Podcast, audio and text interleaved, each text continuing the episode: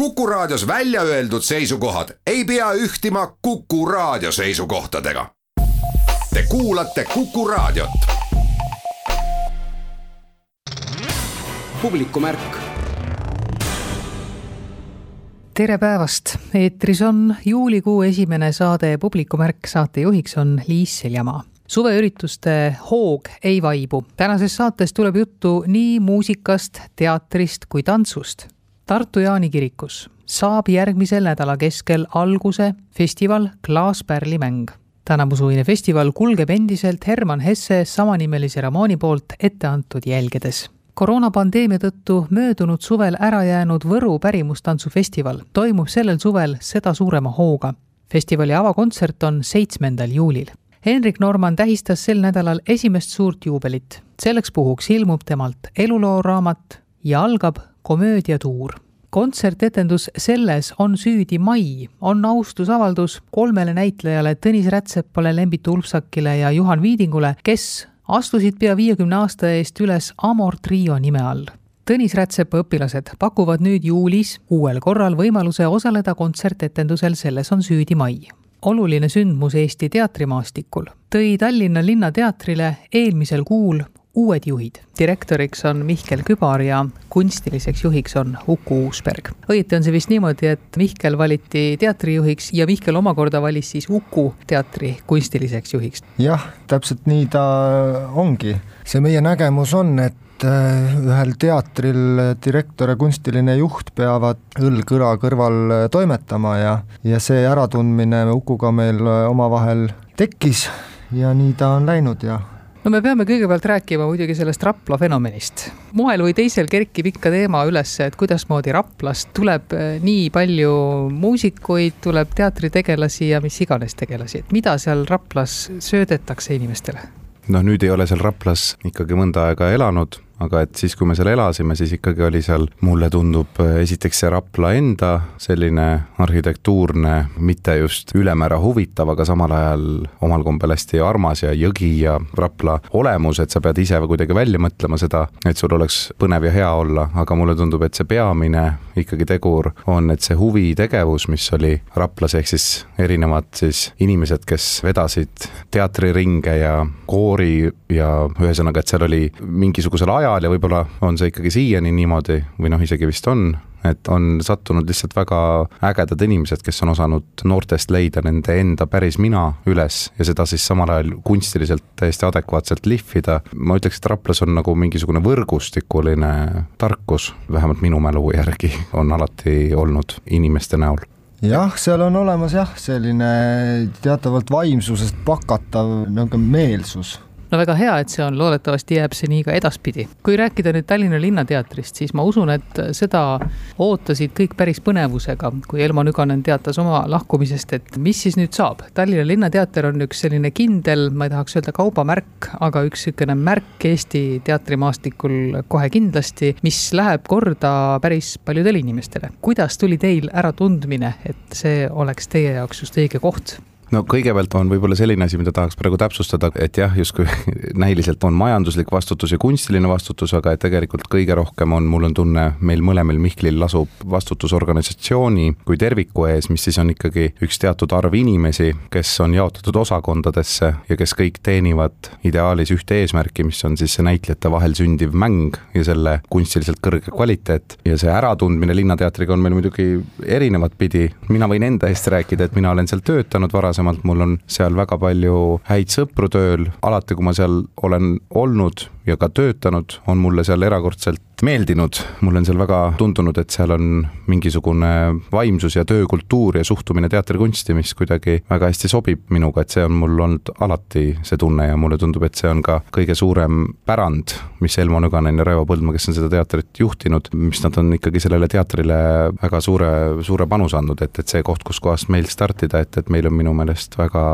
hea, ka keeruline, eriti nüüd, kus kohas on väljakutset pakkuv aeg. Mihkel võib rääkida enda äratundmisest jah, et minu kokkupuude on võib-olla tehnilisemat laadi, et periood, mil Linnateater hakkas planeerima nüüd Laia tänava kvartali ehitusprotsessis ja, ja toona Salmes töötades, siis see kaheaastane periood, mis me valmistasime siis koostöös Linnateatri ja Tallinna linnaga ette. Linnateatri võimalusi Salmes etendustegevust teha, oli väga tihe, intensiivne ja äärmiselt sümpaatne kokkupuude paljude Linnateatri inimestega, et see oli see koht, kus mina sain Linnateatrit lähemalt tundma ja see ühine ühine mõte, et koos äh, minna, oli ka omamoodi juhuslik üks sügisene kohtumine, kus me jäime lihtsalt aimamatagi ja üldse sellest tänastest rollidest rääkimata, jäime üldse teatrist, elust ja maailmast ja kunstist, kultuurist, äh, sekka spordist ja poliitikast pikemalt vestlema ja need, see vestlus kujunes meil Ukuga omavahel mitmetunniseks, et sealt oli selline ka äratundmine, et üheskoos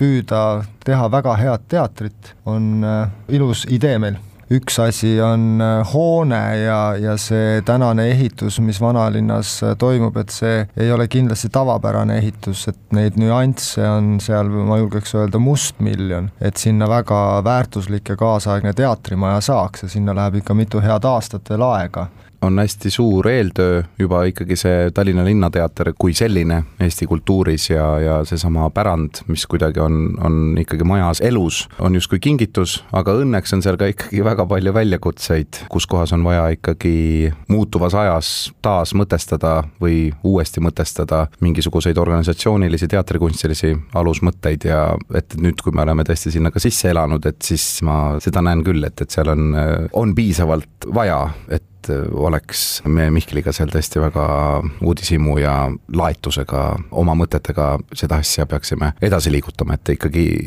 ilma selleta ta täitsa valmis veel ei ole ja oluline on muidugi ju siin ära märkida, et ega see periood nüüd Äh, ehitus on pihta hakanud, et eelkõige ta on täna lammutamisfaasis, et äh, esimene ülesanne on ikkagi meil teater, mis mitmes majas või mitmes hoones, teatrihoones tegutseb, maksimaalselt ära kasutada seda võimalust, mis meile on antud nii-öelda ka erinevate hoonete näol täna Elmo Nüganen algusest peale rõhutas seda, et üks tema lahkumise põhjuseid, no muidugi ta oli ka väga pikalt sellel ameti peal juba olnud, on see, et uues majas peab olema ka uus sisu. milline see uus sisu nagu teie vaates on?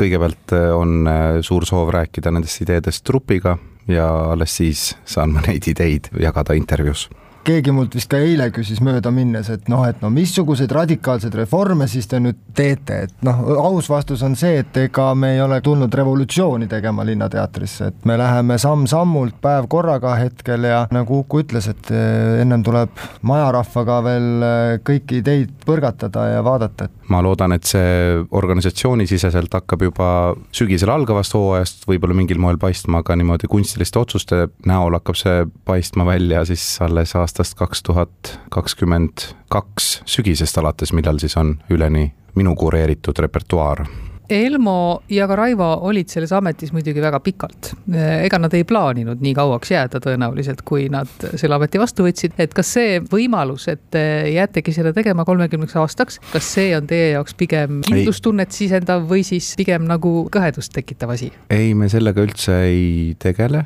ja see ilmselt on rekord, mis äh, ei saa meie poolt äh, ületatud, aga me jah, ei oska isegi selle peale mõelda, sest me ei ole seda Ukuga nõndaviisi omavahel väga pikalt arutanud, et kas me seame endale eesmärgiks viis, kümme, viisteist, nelikümmend viis aastat, et me pigem oleme täna jah, nii nagu Uku ka mainis juba, püüdnud hästi aktiivselt kogu Linnateatri eluga kurssi ennast äh, heas mõttes viia ja et pigem oleme käised üles käärinud ja asunud tööle, et see on meie jaoks oluline, et kohe rõõmsalt ja ühise meeskonnana siit edasi liikuda. Minul kui publikul on soov, et äh, saaks vaadata head teatrit Tallinna Linnateatris on see siiani nii olnud, ei ole mitte mingit põhjust mul arvata, et see nüüd edaspidi peaks kuidagi teistmoodi olema. vastupidi, ma olen ka koos ülejäänud publikuga väga ootel ja põnevil. uus hooaeg algab juba teie juhtimise all. loodetavasti on siis muu olukord nii-öelda nagu stabiliseerunud, et saab tegeleda teatritööga.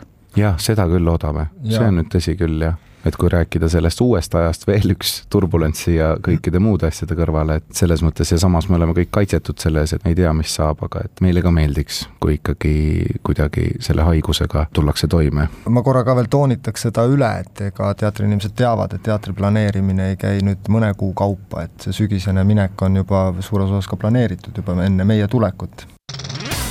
publikumärk seitsmendal juulil stardib kontsertetendus pealkirjaga Selles on süüdi mai. tegemist on austusavaldusega kolmele väljapaistvale laulvale näitlejale, need on Tõnis Rätsep, Lembi Tulpsak ja Juhan Viiding, kes omal ajal Amor triona astusid üles ja esitasid populaarseid viise filmidest ja muusikalidest aastatest tuhat üheksasada kakskümmend kuni kolmkümmend. nüüd teevad sedasama Tõnis Rätsepa õpilased Karmo Nigula, Ott Raidmets ja Kaspar Velberg kas Tõnis Rätsepa õpilasena on teil natukene nagu olnud niisugune kohustus ka või selline eriline huvi selle vastu, mida Tõnis Rätsep omal ajal siis korda saatnud on?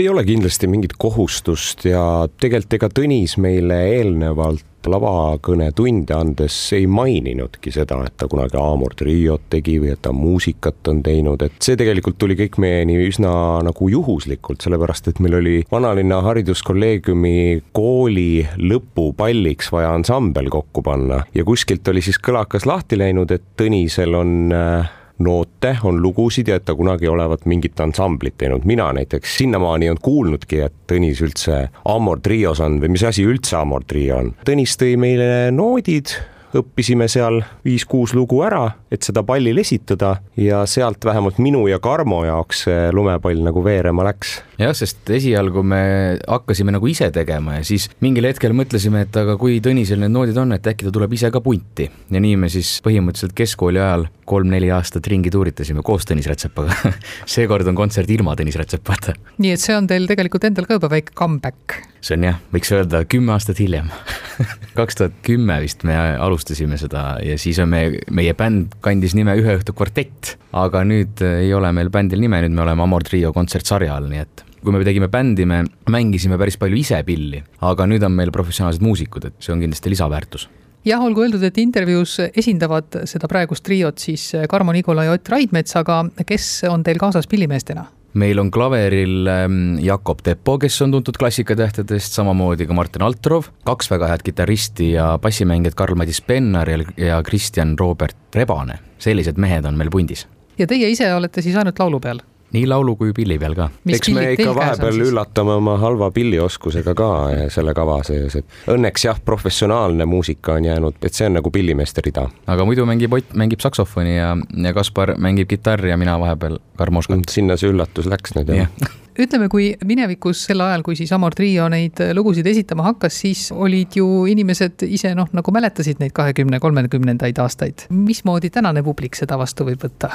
Neil võib olla, ütleme, nostalgia siis selle Amor Trio esituste osas nojah, tundub jah, et see ajaring on siis läinud nüüd sedapidi. ei taha päris niimoodi üldistada või noh, selles mõttes ma ei taha öelda, et see noortele inimestele otseselt nagu, et see neid puudutab, aga mulle tundub, et äh, isegi need inimesed, kes ei mäleta Amor triot või ei tea mitte midagi Amor triost, et see selline kolmekümnendate helikeel ja selline esimese vabariigi aja õhkkond või sihuke atmosfäär võib ka noortes inimestes nagu mingeid tundeid tekitada, et kõik see, mida see esindab ja kuidas me naistest laulame ja millised viisakad härrasmehed me oleme, mis nendes lugudes mehed siis nagu enda jaoks nagu oluliseks või tähtsaks peavad, et ma arvan, et siin on kuulamist ka nagu nooremale publikule. Et see niisugune äh, härrasmehe olek tuleb teil endal sisse nende lauludega? No peab olema, eks meil peab välja kujunema mingi karakter, et me oleme enda jaoks ka nagu kokku leppinud, et me oleme kolm väga tähtsat ja enda arvates tõsiseltvõetavat härrast meest, kes ikkagi naistele armastusavaldusi teevad ja suuri žeste ja aga selles mõttes ka meil on tunded ja ka meil on õrnad kohad, mida ei taha justkui välja näidata, aga vahel peab, sest tundelõõm on nii suur. no ja nende tekstidega on seda ka muidugi väga hea teha, sellepärast et Viiding on tõesti kirjutanud väga-väga head tekstid ja ja, ja Olav Ehala ja Viive Ernesaks on ju omal ajal teinud neile lugudele arranžeeringud, sest tegelikult on need ju välismaa lood. ja muidugi on meil kavas ka muid lugusid, et mis ei ole ainult Amor Trio repertuaaris, et me natuke laulame ka teisi lugusid seal, et tulla kontserdile, siis, siis kuuleb ka neid. mingeid oma lugusid, uuemaid lugusid või ikkagi samast ajastust? samast ajast, aga noh, näiteks väga hea ju meloodiameister on olnud Charlie Chaplin, kes on kirjutanud oma filmidele muusikat, et siis ka Charlie Chaplini loomingut natuke me, me laulame, mis on eesti keelde ka tõlgitud ja ka ikkagi meie oma staar kolmekümnendatel, Ants Eskola, et ka tema repertuaarist on meil paar-kolm lugu. kas neid seadeid on ka ümber tehtud või lähevad need vanad käiku? ei, me oleme teinud ikka värskemat seadet ka koostöös siis oma, meie professionaalsete pillimeestega. meil on suhteliselt vaba voli olnud nende lugudega teha, mis me tahame, et äh, eks me oleme sinna nii ühe või teise vimka sisse visanud. kui suur tähtsus sellel kontserdil on selles kohas, kus neid lugusid esitada? on selles mõttes, et see on nüüd ajas muutunud tänu sellele pandeemiale, et need kohad olid esialgselt ikkagi sellised kinnised kontserdisaalid mis oleks meile võib-olla isegi olnud äh, parem, mis äh, oleks olnud fokusseeritum, ma arvan, publiku mõttes ka. aga nüüd on nad vabas õhus, nii et me oleme natukene mõelnud oma asju ümber, et see oleks ka vabas õhus nii-öelda vastuvõetav. aga ei, kohal on ikka mõju jah, samas need kohad, mis on praegu vabas õhus valitud, on, ma arvan, väga head, et sellist muusikat tegelikult võib esitada siin ja seal, et ei ole vahet no kus need kontserdid on siis, väga palju neid ei ole, nii et peab ikka kohta valima? me oleme Võrus, Võru kandlaaias, siis äh, Rakvere seal laulu uuel laval, seal väiksemal poolel siis. siis oleme Tartu Laulupeo pargis, Pärnu selles ranna kõlakojas, kõlakojas, jah ja Tallinnas oleme praegu pandud Mustpeade majja, võib-olla see kontsert muutub veel asukoha mõttes, aga ei tea. ja kus meil veel on, üks kontsert on veel, Viljandi, Viljandis oleme Kaevumäe laval, jah kaks kontserti on siin juuli alguses ja ülejäänud neli jäävad siis sinna lõpupoole. just, ma ise elan Pärnus ja mina kujutan ette küll meie ansamblit mängimas sellises kolmekümnendate supelsaksade riigipead puhkavad kuurortlinnas atmosfääris, et äh, selles mõttes minu arust igati sobilik koht, et noh, eks siis näis, kuidas ka need teised linnad nii-öelda vabas õhus tööle lähevad, aga mina arvan, et see ansambel sobib nii sisse kui välja, et siin nagu reegleid ei ole kas teie trio koos oma pillimeestega jääb nüüd selle suve ja juulikuu projektiks või kui inimestele meeldib, et siis võtate nagu suuremalt ette? Väga loodame, et see ei jää ühe suve projektiks, et me saame edasi tegutseda, see sõltub nüüd väga palju tehnilistest asjadest ja mängukavadest ja nõnda edasi, aga mingisuguseid pakkumisi on juba tulnud ka nüüd sügisesse ja talveperioodi, et me loodame küll jätkata, just jätkata sellisel kujul, nagu muul moel ei ole mõtet seda teha, et ikkagi kuuekesi. bänd on küll suur, aga see on ainuvõimalik valik nagu, kuidas seda muusikat äh, esitada aga siis te peate vist ikka nime endale ka mõtlema? me peame mõtlema jah, see on meil järgmine etapp. no isegi Tõnisi on ju rääkinud, et kui kunagi nemad Viidingu ja Ulfsakiga kuskil kõrtsus seda bändi nime endale valisid, siis oli ka seal erimeelsusi olnud, tegid salaja sedeli hääletuse ja keegi oli ikkagi vastu hääletanud, see vist oli Juhan. jaa, Juhan oli vastu kaks-üks. tema tahtis hoopis mingit teist nime, et noh, sealt need bänditülid algavad juba nimest. ega see ei ole ka kerge ülesanne, nimi peab olema ikkagi väga hea. tabab. Marta, Marta, Marta, Marta, Marta, Marta, Marta, Marta, Marta, silmad sul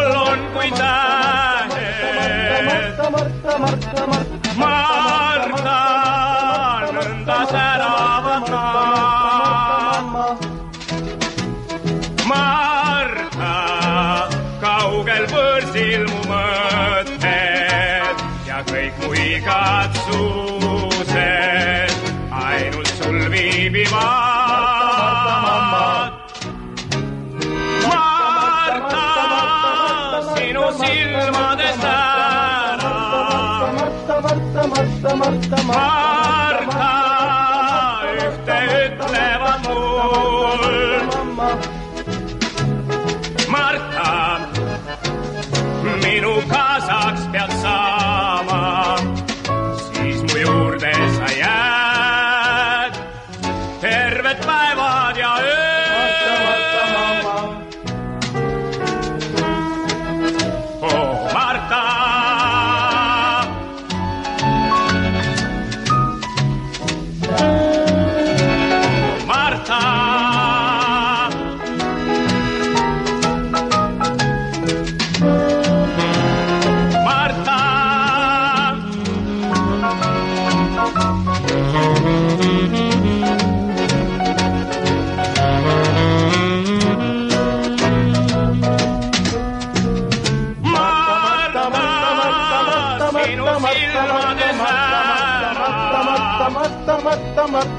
Marta, ütlevad mulle.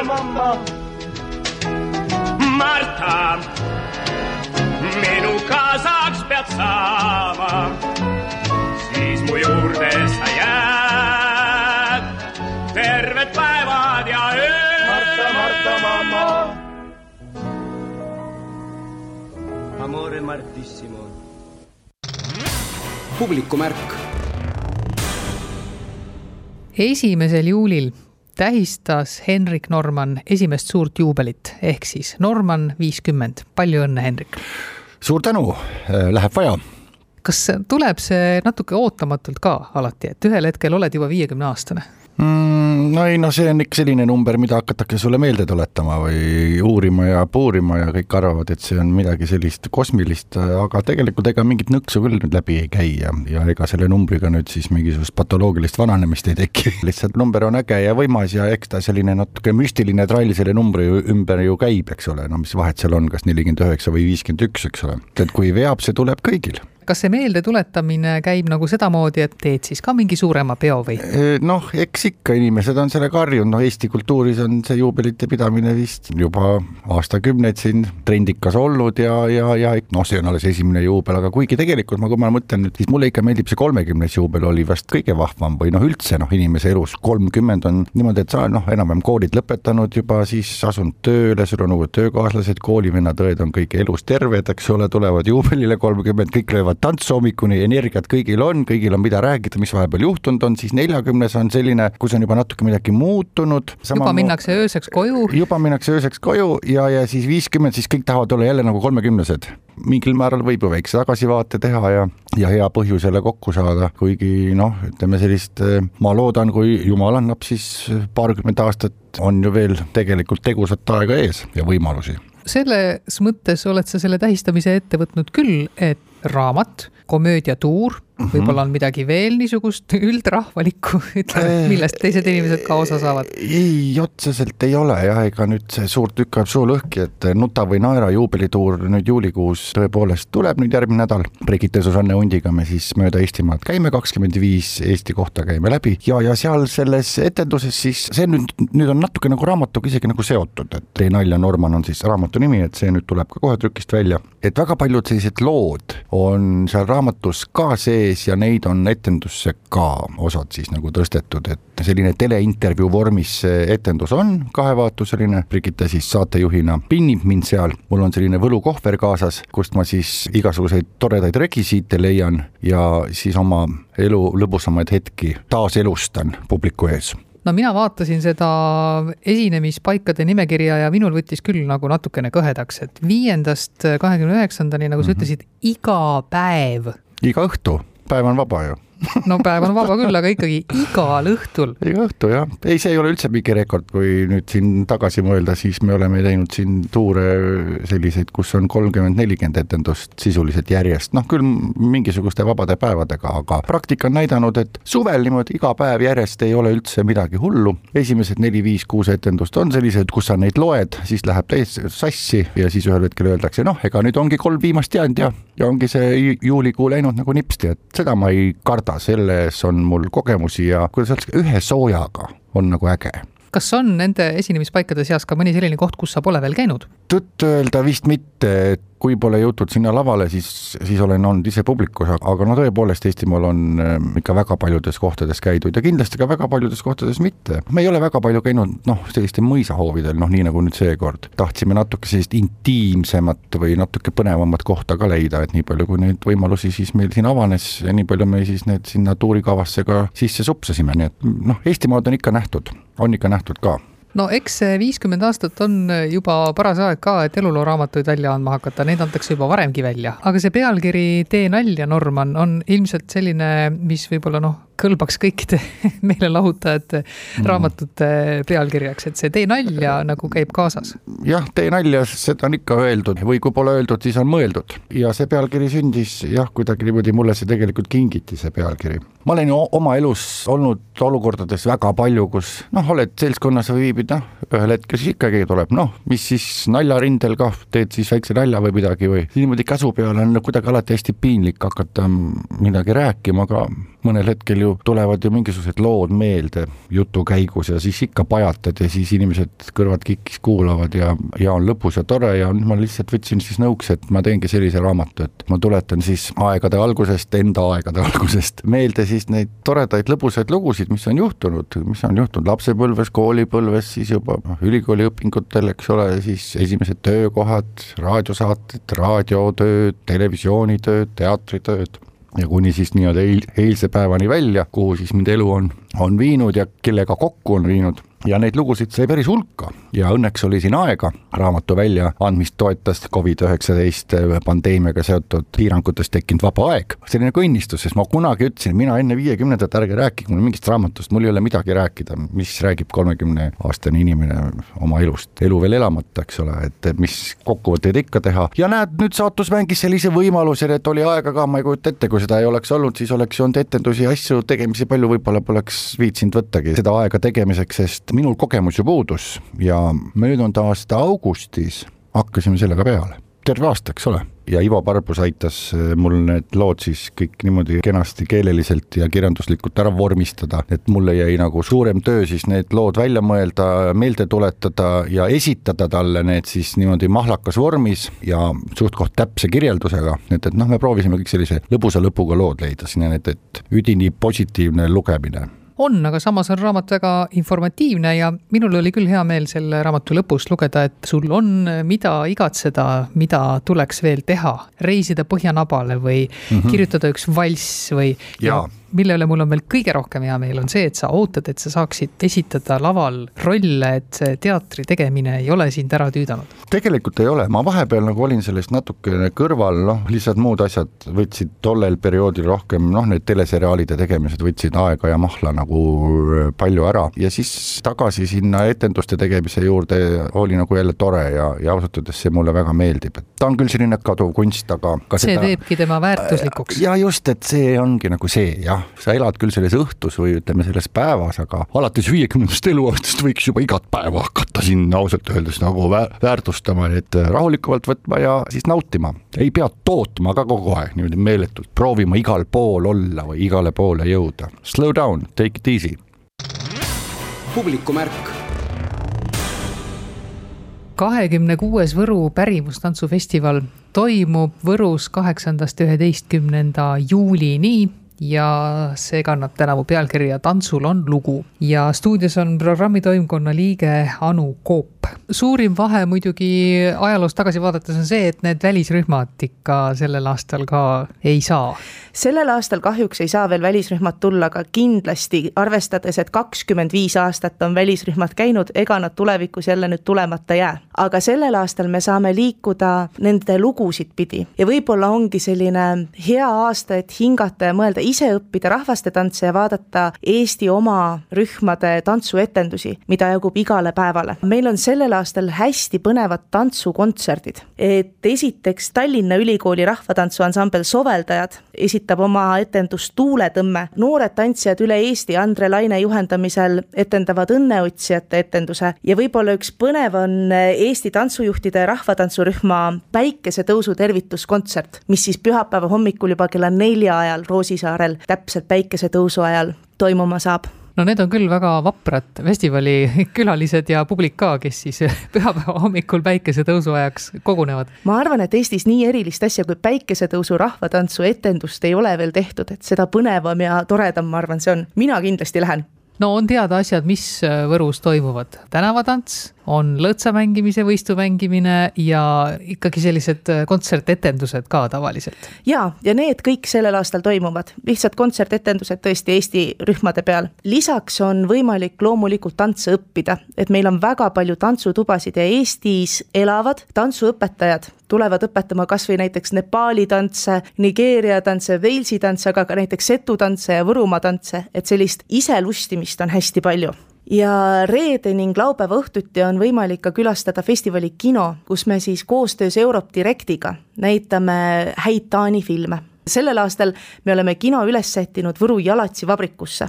No me ei saa seda kava täies mahus ette lugeda, sest see on lihtsalt nelja päeva peale väga palju, aga ütleme siis nii, et alustatakse seekord mahedasti või et kaheksandal juulil hakkab pihta jutuõhtu täiskasvanutele laulude ja kaasalaulmisega jaa, nimelt Helju Kalme on jutuvestja, meil on mitu aastat olnud väga vahvaid selliseid jutujalutuskäike. sellel aastal on neid veelgi toredam, näiteks eh, jutujalutuskäike teeb Helle Landpere, mitu tükki kohe, need on täiesti tasuta kõigile huvilistele. ja siis on tõesti jutustud täiskasvanutele ja loomulikult järgmine päev jutuhommik lastele. ja festivali avamine toimub ka üheksandal juulil õhtul kell viis me avame ta traditsiooniliselt Tammula järve ääres, kuid sealt me liigume kohe Depo Lõõtsatallu, kus siis õnneotsijate tantsuetendus saabki olema meie avapauguks ja kellel huvi natuke hiljem võib-olla tulla linna tagasi tantsujalga keerutama, siis Netsaja küla bänd reede õhtuse Simmani eest hoolitseb. laupäeval Simmanil Kiiora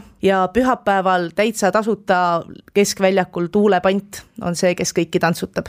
reedel veel ansambel Groove võtab ja. ka kontserdi teha, aga see tantsuetendus Õnneotsijad, see vajab võib-olla natuke selgitust jaa, see on üks tantsulavastus, mille toimumiskohaks ongi üks Võrumaa talu, Depo talu, sealt, kus Depo lõõts pärit on. lugu räägib sellest, kuidas äh, linnanoored määratakse suveks Võrumaale Depo tallu tööle, kuidas siis sellega reaalselt kohal olles saada hakkama nende Eesti traditsioonide ja kommetega ja kuidas see kohalik keskkond hakkab kõnetama noori festivali klubis toimub ka ilmselt mingist laadi tantsimist? absoluutselt, sinna on loomulikult oodatud õhtul, kui muust asjast juba natuke jalg väsinud, kõik pillimehed, kõik tantsijad, et seal neid vanu häid seltskonnatantse siis tantsida kesklinna pargilaval järgmisel hommikul on ka tasuta etteasted? jaa, sellepärast et kesklinnas meil on laat esiteks on võimalik siis laadalt osta paremat käsitööd ja loomulikult on tore, kui natukene laadalaval kas siis keegi tantsib, teisiti tutvustab oma traditsioone, et selline laadalava jah, on täitsa töös. lisaks loomulikult tantsuõpitoad, mis kandlaias paralleelselt käivad terve laupäevase päeva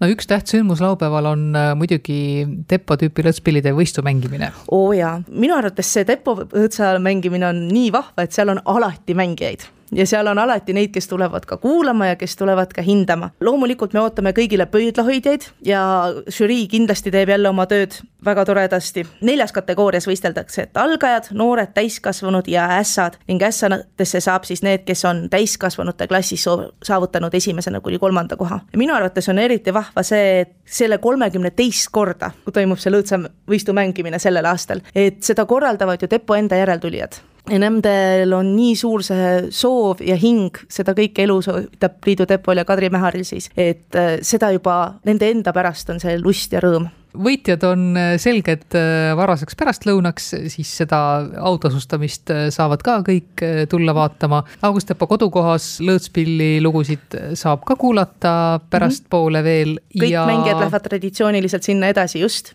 tantsuetendus Õnneotsijad tuleb laupäeval taas esitamisele, aga on ka tantsu orienteerumine.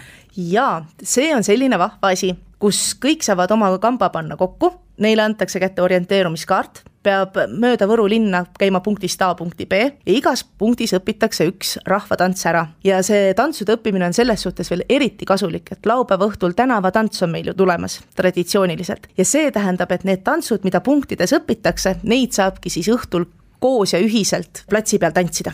tänavatants üritusena algab ka õhtul hiljem, noh, ütleme tunni aja jooksul siis poole üheksast poole kümneni, nii on enam-vähem arvestatud. nii jah, ja loomulikult, kellel kõht tühi, laupäeval on ka kodukohvikud avatud. Ja lisaks veel Gustav Catering sellel aastal avab Võrus oma pop-up restorani pühapäeva hommikul siis juba nimetatud päikesetõusu tervituskontsert.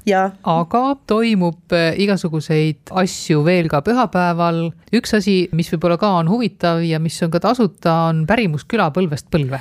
jaa, pärimusküla on tegelikult selles suhtes vahva koht, et kellel on mure, et ei tea, mis, kas lastega oleks ka mingit tegevust, siis Pärimuskülas on esiteks lastele terve päeva jooksul tegevused, seal on ka Eesti rühmade esinemised ja õpetataksegi erinevaid käsitööliike, mänge, tantse, et selline mõnus perega kas või piknikulina peal terve päeva veetmise koht on seal täiesti olemas ja päeva jooksul erinevad kontserdid, tantsuõppimised, Girly Strings kindlasti võiks inimesi kohale meelitada, Kaisa Kuslapuu ja Karl Laanekass kannavad oma kontserti, seto tantse saab õppida ja nii edasi ja nii edasi, kuni siis festivali lõpukontserdini välja, kus ka Vana-Võromaa vunkorkester saab lõõtsad lahti lüüa. ja, ja Vana-Võromaa vunkorkester on täiesti nähtus omaette, keda kindlasti tasub ka tulla kuulama. kas festivalil sel aastal ka loetakse nii-öelda publikut, et tuleb arvestada, kui palju inimesi tuleb, kuidas kuidas me siis peame käituma ja, ja kuidas nii edasi? kuna meil on kõik enamasti väljas, siis õnneks meie seda hetkel tegema ei pea et me ei pea lugema seda, kui palju meil külastajaid tuleb ja ei nõua ka ühtegi testi ega midagi muud sellist. aga kas need piirangud, mis siiski on ka vabaõhuüritustele, kuidagiviisi ikkagi mõjutavad, et noh, midagi on vaja teisiti teha või midagi ei saa teha?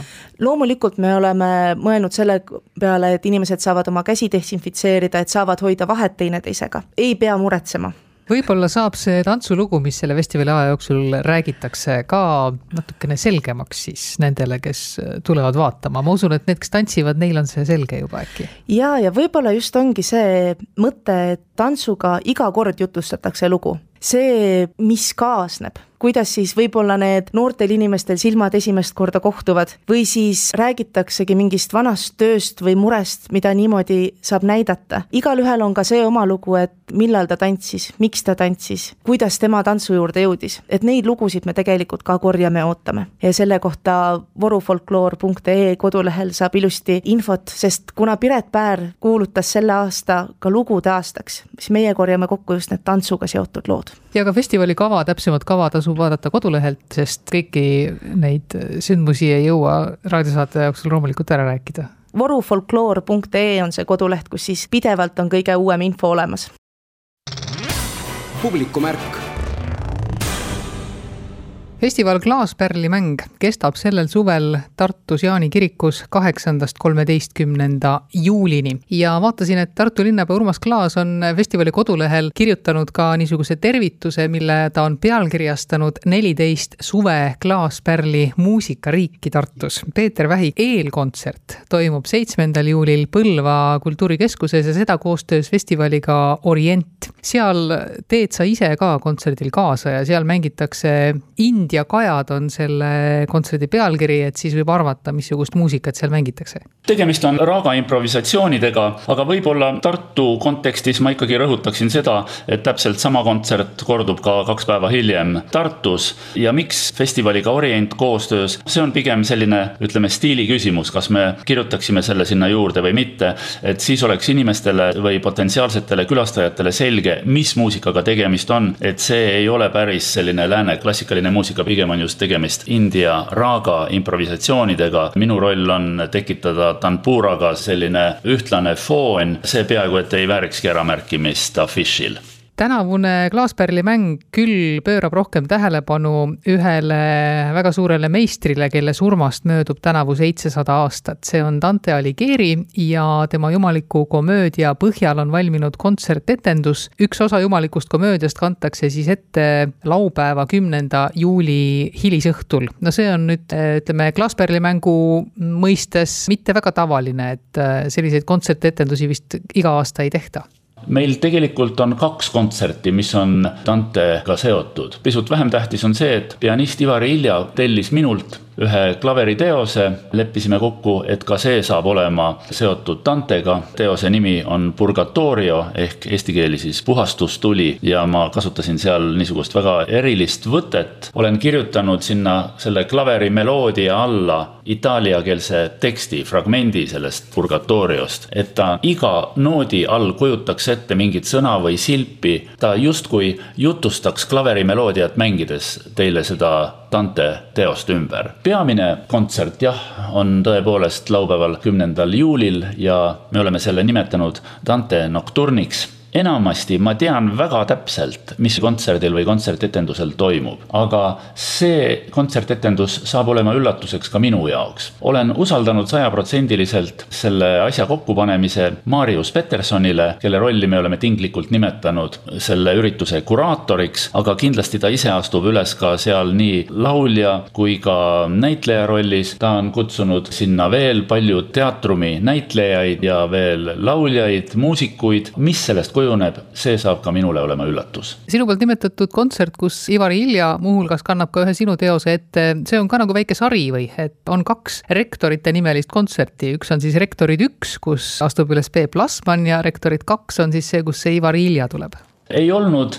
algselt plaanis säärast asja teha, aga kaks Eesti ikkagi juhtivat pianisti, nad juhtumisi on rektorid, üks on siis eksrektor Peep Plasman ja selle pealkiri on Tiivulised olendid. Peep Plasman on teatavasti erakordselt kõrgetasemeline ekspert lindude alal ja tema kavas on siis lindude teemaline muusika ja ta muide kommenteerib seda muusikat ka, nii et siin on ka sõnaline roll tal. teine kontsert, Ivar Ilja kontsert, see kannab veel teist pealkirja Põhja ja kolm punkti, see tähendab ilmakaare mõttes ja see pealkiri tuleneb ühest Tõnu Kõrvitsa klaveriteosest. huvitava pealkirjaga kontsert Ellujäänu Varssavist on Jaani kirikus üheksanda juuli õhtul ja see on tähelepanuväärne juba kasvõi sellepärast, et esineb Eesti Rahvusmeeskoor. see huvitav pealkiri on antud kontserdile ühe konkreetse teose järgi, see on nimelt Arnold Schönbergi teos, see on kogu kontserdi võib-olla kõige eredam teos ja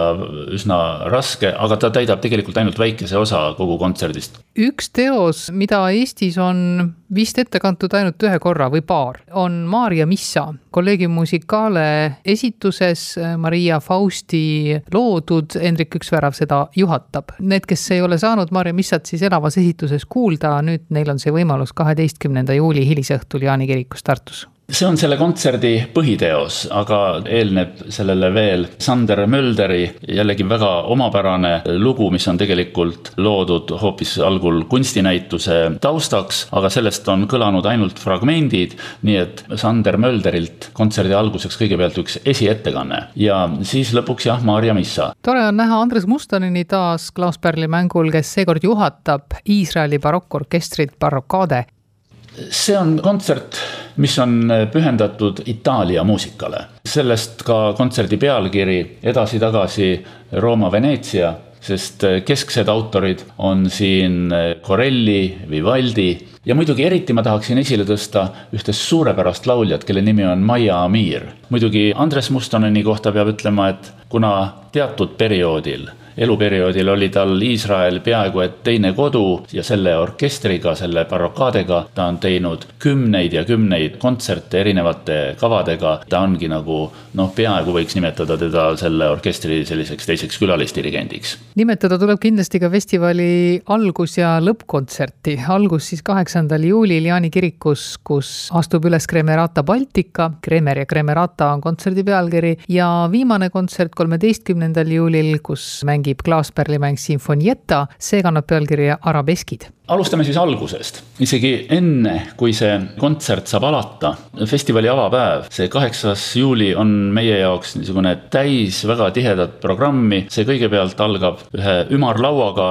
mida juhatab kuninglikust soost mees, tema kõrgus Karl von Habsburg. ta on oma missiooniks võtnud kultuuriväärtuste kaitse ja ümarlaud ERM-is, Eesti Rahva Muuseumis toimub tema eestvedamisel, sinna paraku me kõiki inimesi kutsuda ei saa, on ainult kutsetega. Ja avakontsert Kremer ja Kremerata, see ei alga mitte muusikaga, kõigepealt avatakse kaks kunstinäitust, üks on Nikolai Röörichi näitus ja siis veel Tarvi Laamanni näitus. noh, see Laamanni lugu on veel ka väga eriline, sest see näitus valmib alles festivali jooksul, igal kontserdil lisandub üks uus maal, mis maalitakse koha peal publiku silme ees aga siis näituse avamise järel pühitsetakse Röörichi pakti lipp ja alles siis algab muusika. muidugi, Gidon Kreemer on selle, kogu selle kontserdi keskmes, aga ka tema väga ammune eksabikaasa Tatjana Grindenko, Moskva viiuldaja, on sel korral tulemas viimane kontsert kannab pealkirja